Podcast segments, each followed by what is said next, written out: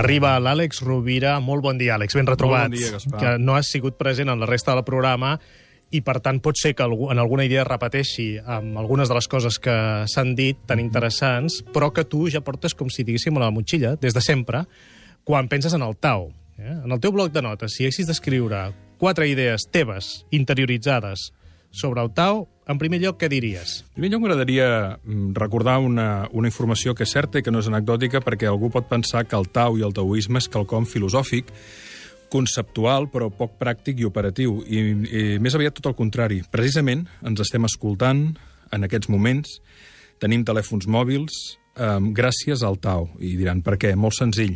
Leibniz va ser el filòsof i pensador que va traduir el Tao Te Ching del xinès a l'alemany.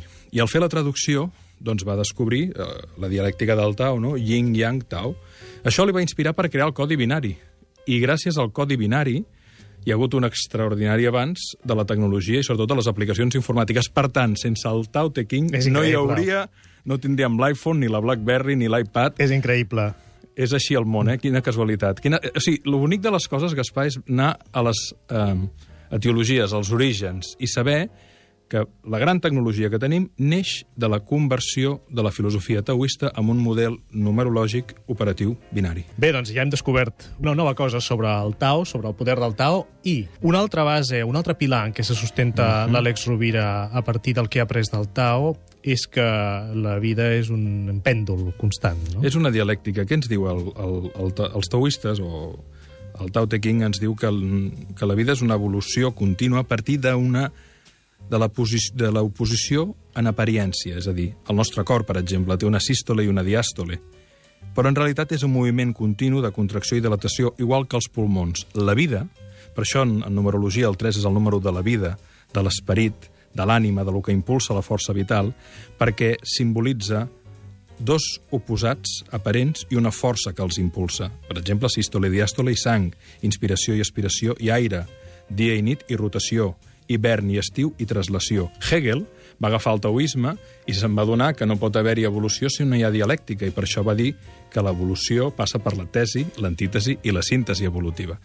En definitiva, el taoisme és absolutament pràctic i ens diu, senyors, senyores, amics, amigues, que la vida tindrem moments de llum, tindrem moments de foscor i que, vulguem o no, ens pesi o no, són inevitables, perquè si no, no podem créixer, no podem evolucionar. Imagina't un cor que només estigués en sístole o en diàstole, estaria mort.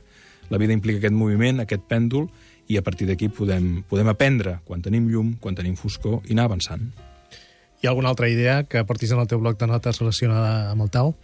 Doncs que, curiosament, moltes vegades la paraula, la paraula tau es tradueix com camí, però probablement una traducció més pura seria sentit sentit.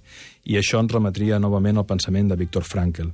És a dir, moltes vegades en aquesta dialèctica evolutiva o en aquesta dialèctica eh, que ens fa veure les diferents dimensions de l'existència, per l'oposició, pel contrast, no hi trobem sentit. I precisament és el que hem de fer, nosaltres intentar trobar un, un sentit en aquests moments de crisi, de canvi, d'adversitat, i convocar el millor de nosaltres per omplir de sentit la dialèctica de la pròpia existència.